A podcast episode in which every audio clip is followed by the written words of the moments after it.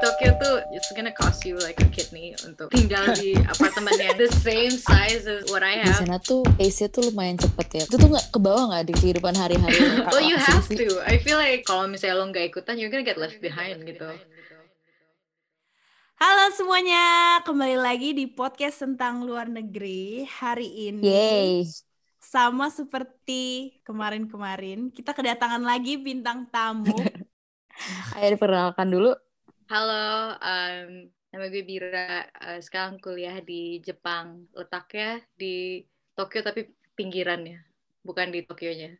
Tokyo International University. Yeay. Woo. Oke. Jurusannya hubungan internasional. Nggak seru sih, tapi ya. kebanyakan teori, kebanyakan baca, harus harus update terus jadi lama-lama juga capek. terus Hmm. um, uh, sekarang tahun kedua mau jalan tahun ketiga. Nah terus kalau misalnya lo tahu kayak major itu kemungkinan kayak gitu, kenapa lo pilih itu in the first place gitu? Karena nih kalau misalnya bosen sih bosen, Eh, tapi kayak kalau misalnya suka yang dibaca atau suka yang dibosenin juga nggak kerasa beban. Yang penting Oke. yang penting dibawa enjoy aja, dibawa ketawa. Eh, kenapa ngambil hubungan internasional bisa jauh banget gitu sampai ke Jepang? Eh, pertama gara-gara ada beasiswa di sini, jadi karena alhamdulillah dapet, jadi ya jalan-jalan aja gitu. Eh, Hmm. Emang dari dulu emang pengen keluar eh, kuliah di luar negeri, tapi eh, kesempatan yang terbukanya itu di Jepang, jadi apa-apa, iseng. Eh, tadi kan lu bilang lu dapat beasiswa ya. Mungkin bisa dijelasin cara cara lu ngeplay buat beasiswanya sampai kepilihnya itu gimana?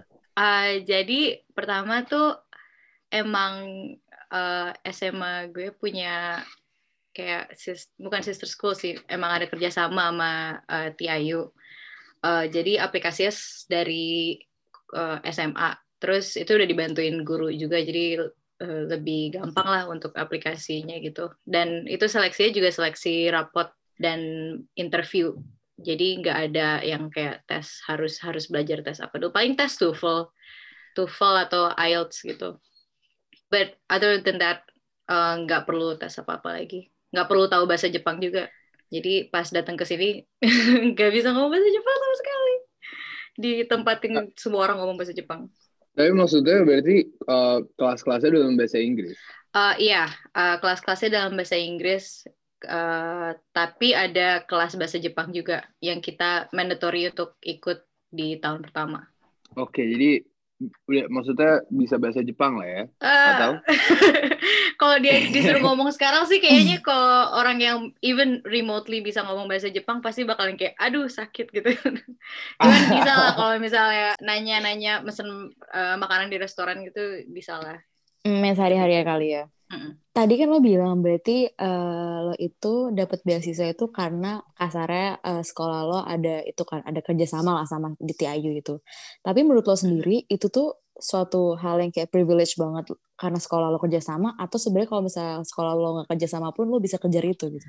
Eh, untuk TIU sendiri sih, they're really open dengan um, apa international students-nya gitu. Mm-mm. Emang sekolahnya itu emang sek- sekolah untuk uh, international student yang mau kuliah di Jepang. Jadi eh, sebenarnya nggak terlalu susah kalau misalnya dikejar secara mandiri pun. Cuman eh, emang dipermudah aja gitu untuk daftarnya dan untuk terekspos dengan opportunity yang especially buat beasiswa gitu. Uh, presentasinya mungkin bisa lebih besar uh, atau misalnya uh, kita ada diprioritaskan dulu untuk pendaftarannya dan itu yang yang dibikin dimudahkannya itu. Cuman untuk sekolah um, not sekolah not sekolah universitas Jepang yang misalnya universitas negeri Jepang itu Mhm. uh, mereka lebih selektif tentang uh, with their international students. Jadi uh, lu sistem kuliahnya kayak gimana? Kurang lebih semesternya kayak gimana? Kan gue semester yang normalnya tuh baru satu semester ya. Habis itu ke cut corona and everything went ke apa online kan. Tapi di sana tuh eh, sistemnya apakah semester, apakah quarter atau gimana? per semester gitu. Jadi kita semester spring sama fall kan. Kalau fall itu Mm-mm. dari bulan September sampai Desember. Terus uh, kita ada libur tiga bulan sampai akhir Maret, terus uh, April baru mulai lagi spring dari April sampai Juli, um, ya sampai Juli. Berarti sekarang kamu lagi libur ya? Iya, lagi nganggur. Berarti sebenarnya semester di Jepang di kampus lu itu pek dong sebenarnya daripada semester di Indonesia kan yang bisa enam bulan gitu. Mm -hmm. uh, itu karena kita ngikutin uh, semester kayak kurikulum misalnya uh, university yang luar negeri lain. Jadi kalau misalnya universitas Jepang yang uh, yang negeri Jepang itu juga semesternya beda, nggak kayak kita. Ini karena sekolah internasional, jadi ngikutinnya juga jam belajar internasional. Karena kan mereka nggak dari Jepang doang kan, jadi mereka harus, uh, misalnya ada oh, one of my friends itu dari um, Sweden, jadi mereka harus balik kan Desember itu, dan itu kan uh, mereka pokoknya kita dipanjanginnya di winter breaknya itu. Summer break itu cuma sebulan doang. Kalau hmm. di, di sekolah Jepang yang benerannya itu summer breaknya justru yang lama. Tadi kan kamu bilang kalau universitas kamu emang universitas untuk international students kan mm-hmm. apakah jadi apa ya rasanya lebih internasional atau kultur Jepangnya juga tetap dapat apa gimana? Well, it depends. Kalau misalnya, um, if you really want to be di yang kayak apa namanya ikut yang benar-benar Jepang gitu, there are options untuk untuk bisa kayak gitu. Uh, kita kan dibagi, there's one yang um, mm-hmm. E-track itu yang international students, and then there's J-track itu that's all the Japanese students. Nah kalau misalnya oh. mau ikut uh, apa namanya involve di lebih like Japanese culture gitu, there are um, clubs atau kayak uh, circle yang uh, joint di antara J-track sama E-track. Cuman secara materi kuliahnya it's sangat dibedakan. Itu bedanya cuma di bahasanya atau benar-benar yang dipelajarin juga beda? Uh, bahasanya beda, tapi kalau J-track itu kan sebenarnya TIU itu untuk di mata orang Jepang itu lebih ke sekolah um, sport kan, sekolah untuk atlet lah. Pertama, coursesnya juga beda. Mereka ada psychology ada pokoknya beda-beda gitu. And it's uh, ada courses yang sports related juga. Tapi itu bahasa pengantarnya uh, bahasa Jepang kalau misalnya yang e-track itu majority of it itu semua English uh, apa namanya classes ada sih beberapa kelas J-track yang bisa diambil tapi itu um, I don't know itu itu aku belum pernah nyoba ngambil dan kayak kalau ngambil juga I won't understand anything. Tapi untuk untuk international students itu coursesnya terbatas juga lebih sedikit apa gimana? Nggak lebih sedikit sesuai sama majornya aja. Jadi misalnya uh, kan ada kita ada tiga, ada digital business innovation, ada international relations, sama ada business economics kan. Dan uh, apa namanya untuk yang international students itu uh, the classes yang bisa diambil juga cuman around yang relevan sama jurusannya nggak ada yang bisa kan misalnya kalau uh, ada minors gitu minors in mana gitu itu kita nggak ada kita cuma yang kayak IR IR aja gitu oke okay, jadi kan tadi uh, lu sempat bilang kalau misalnya uh, jurusan lu lebih banyak bacanya dan nulisnya ya tetapi mm -hmm. dalam sepengetahuan gua uh, beberapa temen gue yang anak hubungan internasional tuh mengikuti kayak semacam modul United Nation kayak gitu yang hmm. ada interaksinya dengan orang lain gitulah. Apakah lu juga ada hal semacam itu? Ada, itu tapi klub dan itu juga isinya baca sama nulis juga. Okay. Ya, ba apa namanya? persentase debatnya itu cuma yang kayak itu setelah you already did your research gitu itu baru yang akhir-akhirnya yang baru seru-serunya Um, cuman itu emang uh, the majority of the activity juga preppingnya itu baca nulis juga. Tapi nulisnya ini dalam artian nulis yang uh, apa ya professional atau yang kayak you just take notes? Uh, academic, uh, it's mainly academic. Uh, paling okay. lebih ke kayak apa uh, ulasan bukan ulasan juga sih uh, essentially um, kita menganalisa what happened in the past terus kita coba yang kayak kaitin kaitin sama current events yang sekarang. Okay. Kayak sebelum sebelum lanjut ke mana-mana nih, gue mau nanya aja in general aja soalnya hmm. kebanyakan orang yang gue tahu mau kuliah di Jepang tuh karena itu apa ya negara salah satu negara bagus di Asia gitu loh ya. dan nggak begitu nggak begitu jauh lah ya hitungannya gitu nah menurut lo sendiri so far itu tuh kayak suatu apa ya worth it gak sih kuliah di Jepang gitu maksudnya terlepas dari lo udah terjun ke situ ya maksudnya. Uh, selalu pasti ada plus and minus gitu. Uh, mungkin uh, kalau misalnya if I can um, kayak ngomong to my old self before ke Jepang ini paling at least tahu basic um, bahasa Jepang. Karena uh, tinggal di Jepang tuh enak kalau lo ngerti bahasanya. Maksudnya kayak like if you mm-hmm. understand what's going on gitu karena orang Jepang tuh picky uh, ng ngelihat uh, foreigner. Mereka nggak mau bantuin kalau misalnya nggak sesuai dengan standar uh, mereka gitu. Kayak nggak mau nggak mau ribet lah kalau misalnya misalnya uh, minta tolong sama orang gitu uh, tapi pakai bahasa Inggris dan mereka sendiri nggak ngerti dia ngomong apa gitu jadi kayak ya udah bodo amat gitu kan nggak nggak ada camaraderie yang kayak oke okay, let me find you someone who understands gitu-gitu. Nggak ada nggak ada camaraderie kayak gitu. Mereka jarang yang bisa ngomong bahasa Inggris berarti? Uh, nggak hardly ever. Paling paling yang bahasa Inggris di airport atau Tokyo yang kayak busy areanya Tokyo. Enggak oh. kalau misalnya udah di pinggir-pinggiran sini juga enggak they're kind of mean too sometimes tapi um, other than that kalau misalnya overtime uh, once you learn di sini orang-orang yang kayak gimana terus how things work um, terus bahasanya juga it's it's significantly lebih lebih enak. Oke, okay, um, tadi sebelum kita mulai kan sempat ngobrol bentar tuh kalau misalnya apa tahun pertama lu sempat tinggalnya di dorm tapi sekarang udah nggak di dorm lagi. Nah, hmm. berarti untuk tahun pertama untuk student-student internasional itu diwajibkan untuk tinggal di dorm. Iya, uh, untuk yang international students, mereka diwajibin oh. untuk stay di dorm.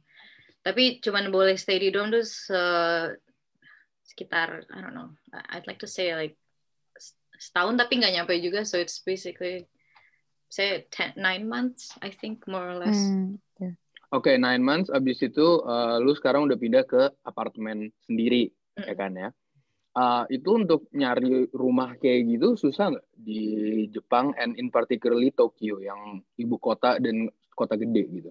Kalau again balik lagi kalau misalnya nggak bisa bahasanya susah, but I had uh, bantuan from uh, senior senior yang orang Indo juga yang bisa ngomong bahasa Jepang itu that helped a lot. Terus di sini juga kita nyarinya tuh nggak online gitu, misalnya kalau uh, ada Zillow gitu kan untuk nyari apartemen kosong. Tapi kalau di sini kalau misalnya kita ngeliat online juga makin pusing lagi gitu. Um, mm-hmm. Jadi kita pakai agency uh, dan di situ mereka yang ngasih yang kayak this is yang available di mana lokasinya apa terus plus minusnya apa aja gitu. Sebenarnya cepet sih kalau misalnya nyari apartemen di Jepang itu cepet karena mereka juga udah yang kayak ini kosong lo tinggal move in date-nya kapan? gitu. Lo tinggal tinggal essentially tinggal yang kayak ngasih uang deposit terus udah gitu. Cuman uh, they have this thing itu kayak um, uang tanda terima kasih sama landlordnya. Um, it's different than like a security deposit atau gimana gitu yang after we move out nanti dibalikin sama landlordnya. Ini lebih kayak oke okay, thank you for letting me live here. And it's it's pretty expensive um, for a thank you gift. Oke. Okay. Oh, rokok kali ya kalau di sini. Ya, ya. kalau di In a nutshell-nya gitu banget pun. Iya. Yeah. But yeah, other than that, mereka tuh it's pretty apa? Uh, I'd like to say nggak nggak bertele-tele. It's really straightforward. Tinggal tanda tangan kontrak uh, atas nama siapa, mau move in kapan.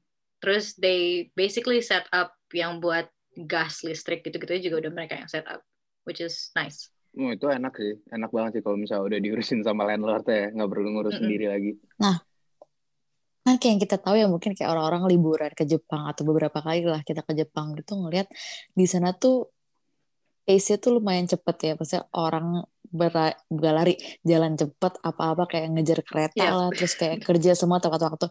Itu tuh nggak kebawa nggak di kehidupan asli lo asli lagi kehidupan hari-hari well you have to I feel like uh-huh. emang environmentnya itu udah memaksa kita untuk yang kayak kalau misalnya lo nggak ikutan you're gonna get left behind gitu mau itu Hmm. ngejar kereta terakhir lah mau itu telat uh, masuk kelas itu it's it's kind of yang kayak um, you grow accustomed to it uh, Hmm. setelah I mean for myself I wasn't someone yang lelet juga gitu kan emang uh, in my uh, childhood juga my mom is always saying kayak ayo cepet cepet cepet. Jadi um, it's not that big of a difference for me. Cuman kelihatan sih how people yang kayak they have some place to be and yang kayak um, they're walking with purpose gitu. So, orang Jepang tuh jalan dengan purpose gak ada yang kayak uh, hunched over terus yang kayak selengean gitu jalan-jalan gitu nggak ada. They're always yang kayak fast pace gitu. Kalau in terms of um, academic life, orang-orang di sana fast pace juga nggak? Terus kamu kayak jadi merasa tertantang sana sini sana sini atau santai aja apa gimana?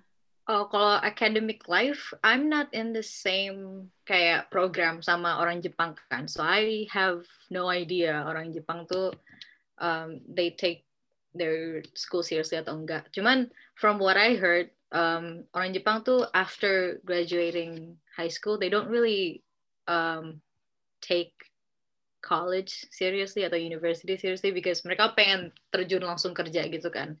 But um, there are people who tetap ikut university because it's uh, apa namanya mungkin it's a pathway to their career uh, atau jalan karir yang mereka mau jadi I feel like they would take it as seriously as they would kalau misalnya mereka langsung terjun ke dunia kerja gitu Hmm. tapi um, I feel like eh, I'm not gonna I'm not gonna throw anyone under the bus tapi there are certain people yang um, is there just a yeah it's just there gitu loh Tadi kan lu sempat bilang kalau misalnya sekolah lu itu lebih apa ya lebih untuk yang atlet atau sport kayak gitu. Berarti gue bisa narik kesimpulan kalau misalnya sekolah lu ada tim-tim olahraganya yang ikut berkopi- berkompetisi gitu di ajang nasional ataupun internasional.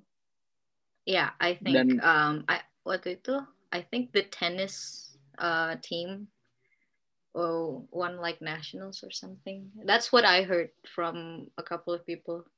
Don't fact check me on that. Oke, oke. Nggak, tapi maksudnya uh, mau gue bandingin sama uh, kalau sekolah-sekolah yang di US ya, Cik, yang kayak mereka bener-bener school spirit dengan olahraganya tuh kayak ada Hmm, banget gitu nggak sih? Iya. Ya kan ya? Soalnya itu gue nggak menemukan di gue di Eropa gitu.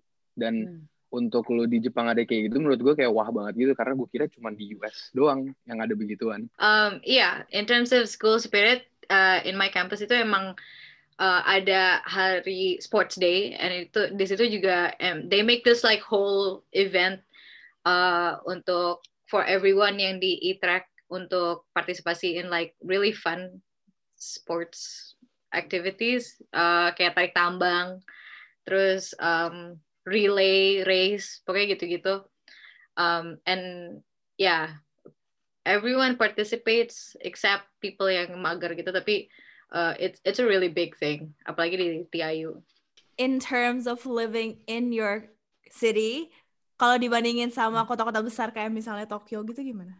It's cheaper way cheaper. Karena di Tokyo tuh it's gonna cost you like a kidney untuk tinggal di apartemen yang the same size as what I have. E- emang i- it's it's true. Apalagi yang kayak misalnya in the business districts gitu it's it costs a lot. Um eh, tapi uh, in terms of yang kayak deket dari city-nya juga it- uh, it's like uh, about an hour away so Hmm. it's not really that far juga um and I, I for me I think I'd prefer to live the the area yang pinggiran-pinggiran gini just because it's better financially Hmm. Oke. and Ngerti. and it's not apa namanya walaupun walaupun it's like uh it's literally filled with like a lot of old people Hmm. you have more options to kalau misalnya bener-bener pengen jalan-jalan ya just go crazy gitu bisa ke mana-mana and and it's not untuk yang masa sekarang it's not really in the hub of COVID karena Tokyo kan yang bener-bener gitu so Hmm. it's relatively safer and you know people here are taking care of themselves better because it's a lot of old people. Berarti gampang juga ya kalau misalnya mau if you wanna go traveling around Japan, kayak it's accessible gitu. Hmm, it's accessible, yeah. Hmm. Is it expensive? Atau Well, yeah, I mean, if you- discounts? I don't think student discount is a thing in terms of like, in terms of like train. Karena if we're talking about like, kayak kalau jalan-jalan di Tokyo itu kan we're gonna use uh, trains juga kan. Uh, Mhm. then I don't think they have student discounts except if you want to ikut yang kayak travel agent. Maybe they have. Cuman kalau misalnya jalan-jalan from your own pocket money, I don't think the government has any kayak discount plan for students. Tapi tadi uh, mahal murahnya gimana? Oh, Iya, well, hmm. kalau misalnya naik Shinkansen juga you have to purchase a ticket di beli tempat Shinkansen ya. I mean, probably the cheapest thing that you can do itu yang pakai pesawat Jepang, pesawat Jepang, probably. domestic gitu ya. Ya, domestic flights. Mhm. Uh, dan itu juga paling belinya dari Traveloka gitu-gitu juga. Diskon Oh, Indo iya. juga. oh gitu. Jatuh-jatuhnya juga pakai tiket.com Traveloka. I mean, at least that's what my friend did waktu uh, mereka kan di APU. Itu kan di Beppu itu kayak lebih dekat ke Korea daripada ke Tokyo. Dan itu dia mau jalan-jalan ke Tokyo kan. Terus mereka beli tiket uh, pesawatnya dari tiket.com. Nah, untuk eh, Bida sendiri itu ada nggak kegiatan-kegiatan lain di luar sekolah ataupun akademis gitu? Uh, kalau part-time job sih ada. Um, Mm-mm. part-time job uh, karena awalnya tuh I worked at a factory di a factory-nya Uniqlo. Itu Oh, I wow. worked about think kayak three weeks and then I got fired. um, itu kan uh, seasonal gitu kerjaannya. Jadi there isn't yang kayak kontrak yang kayak lo kerja dari tanggal ini sampai ini ya. Jadi kalau misalnya udah nggak dibutuhkan ya you, you're not called to work. Terus abis itu um, I worked at a fruit factory. Itu buat kayak apa buat supermarket gitu. Um, gue ngepaketin timun. And we take out yang kayak yang basi-basi we take we take them out gitu-gitu. And it's a very yang kayak labor work terus um, I didn't I didn't really like it karena Mhm. itu kan I, I took the night shift so it's basically me standing next to a conveyor belt selama 6 jam more or less Oh, literally kayak di factory beneran gitu ya? Iya, jadi Oke, um, oke. it wasn't, it- it's not really nice. Even though the pay is really good, yang I I think it's good about Japan itu mereka sangat mengapresiasi labor work atau Mhm. pokoknya pekerjaan gitu mereka sangat mengapresiasi. Uh, so there wasn't any yang kayak uh, dibayar murah lah, kayak kuli kuli bayar murah gitu nggak ada. Oke. Um, terus sekarang kerjanya uh, remote as an English instructor. So Wow. I I check uh, my students English homeworks gitu. Just kayak menarik benerin nih. pronunciation-nya lah gitu-gitu. Students as in you're a teacher. Uh, iya, jadi ini kayak tempat les gitu. Oh, di Jadi di luar, tempat di luar les. kampus ya? luar kampus, luar kampus. Um, Mm. Dan itu banyaknya uh, ya adult sih, lebih ke adult daripada anak-anak SMA atau uh, younger. Ini tempat les, Oke. working. tempat les di Jepangnya. Mm-mm, tempat lesnya. Itu emang specifically buat adults yang mau benerin bahasa Inggrisnya. Oh, Oke, oke. Berarti sependengaran kita ya, sebenarnya gue juga, itu tuh kayak eh, berarti kerja di Jepang untuk student, especially international student tuh lumayan gampang kah? Kayak it depends. Kalau misalnya labor work itu pasti ada. Di mana-mana juga apa namanya? Kok if you want to work yang benar-benar uh, pakai brute strength gitu, itu pasti ada. Cuman uh, untuk uh, in terms of yang kayak kerjaan yang yang English gini-gini gitu, uh, it's not that many yang uh, requirementnya no no Japanese. Uh, a lot of tempat les juga would probably require you untuk at least bisa ngomong Jepang intermediate lah levelnya. Hmm. Tapi legal kan berarti ya, maksudnya kayak labor work. Oh ya, yang work ini itu ada, yang ini ada gitu. kontrak ya. It's it's okay, Oh. it's okay. This one has a contract and everything. Iya iya. Uh, oke, I got tax cuts.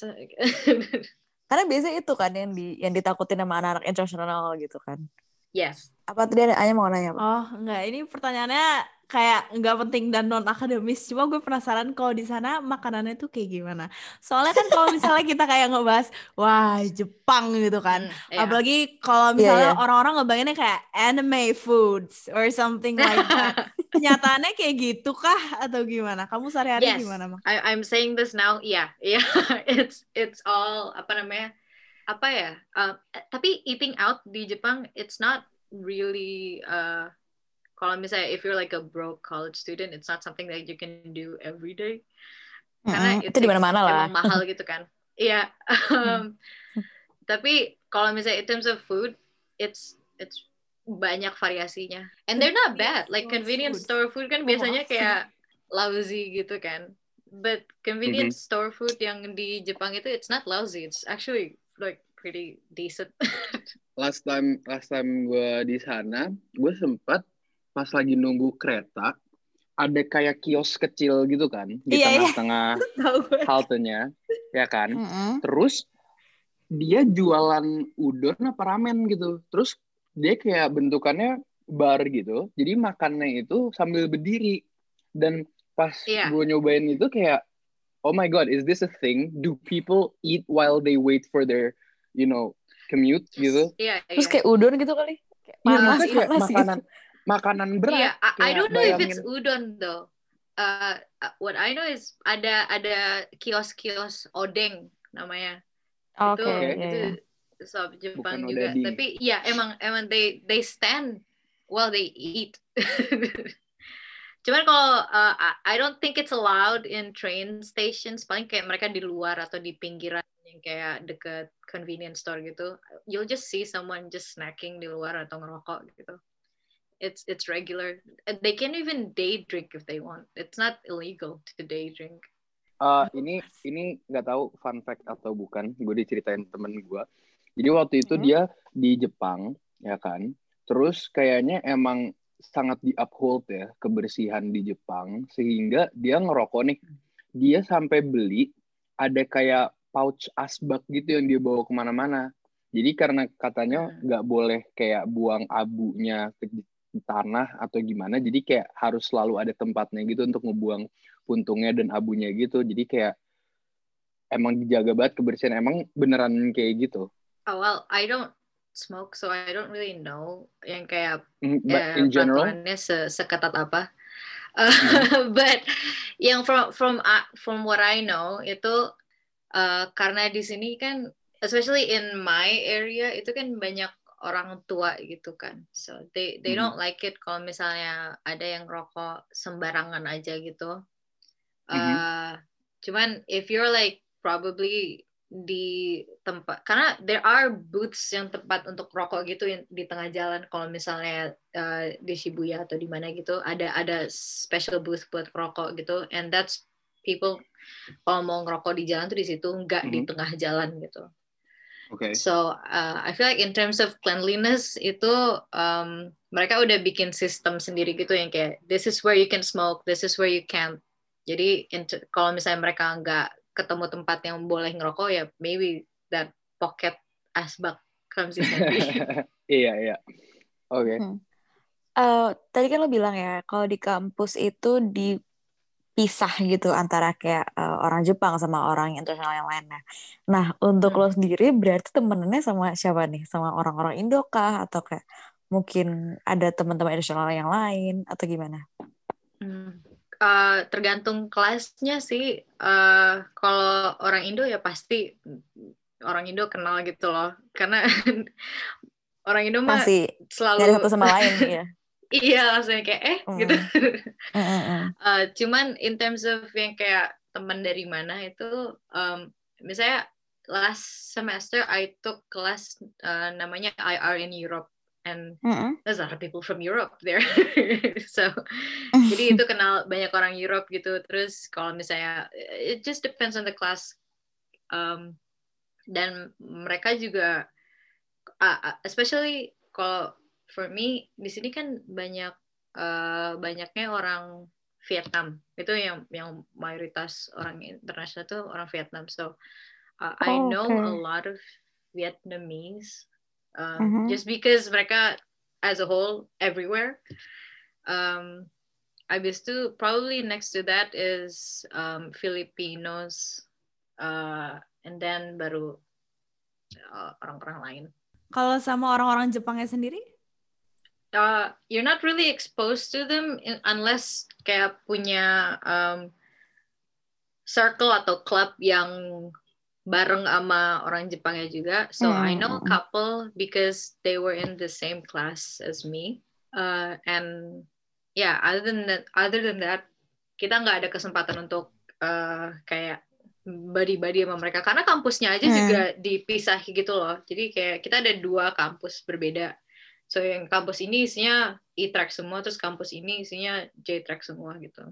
Uh, mungkin it's also because mayori uh, orang Jepangnya juga banyak gitu yang ikut. Jadi maksudnya yang uh, enroll di TIU. Jadi kalau misalnya ditaruh di satu kampus gitu, it's gonna be super crowded dan there's not gonna have enough, there's not enough classes karena kita kampusnya kan nggak segede UI gitu. Kita kampusnya tuh yang kayak satu komplek doang. Habis itu pindah ke komplek lain. Yeah, oke. Okay. soalnya gue sebenarnya pengen nanya nih kan beberapa juga orang Jepang ada kan yang kuliah di US dan gue juga ya kenal beberapa gitu. Mereka itu termasuk yang rada ambis. Iya yeah, um, mm they're very um, goal oriented gitu. Jadi kalau misalnya mm.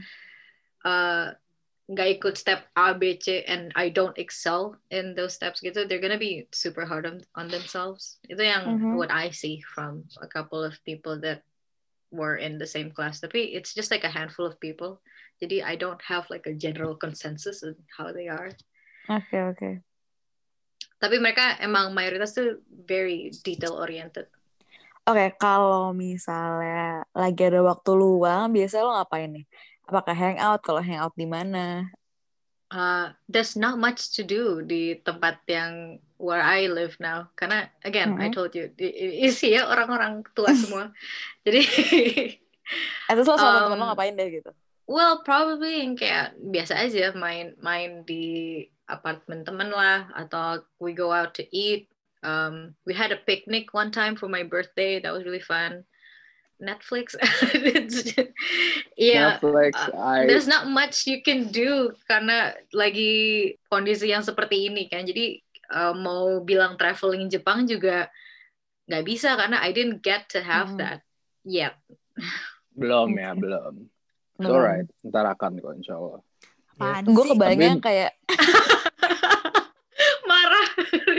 Berarti ada lah, maksudnya kayak kotanya nggak mati banget gitu, tetap ada kayak no it's not Iya ada kayak nightlife kayak gitu ada kan? Ada tapi it's just like uh, I mean if you can see now ini kan di sini jam 6 ya and it's mm -hmm. dead silent.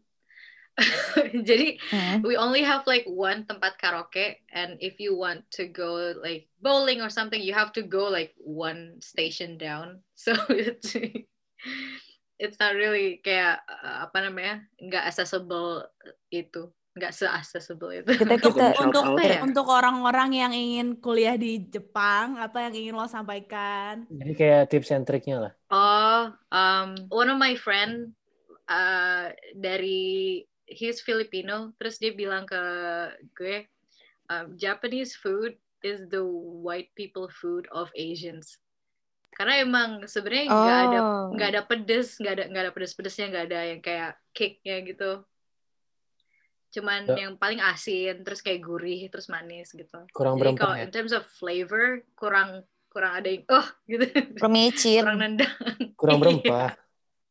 Iya ya, kurang berempah ya yang pasti uh, knowing Japanese dulu beforehand itu that's very helpful.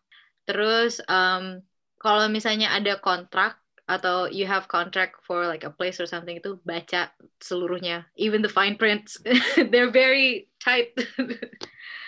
Um, sama paling oh uh, kalau misalnya ke toko anime atau ke toko uh, toko pokoknya toko-toko yang wibu-wibu itu everything is you're you're gonna be desensitized. They're gonna have like really hardcore stuff in the front wow. shelves jadi jangan jangan kaget Oke, mungkin segitu dulu untuk hari ini. Terima kasih untuk Bira sudah bersedia menjadi Thank you for having me. Kita ini. Yay. Mungkin untuk orang-orang yang penasaran tentang kuliah di Jepang, boleh langsung tanya-tanya ke Bira kah di Instagram apa gimana?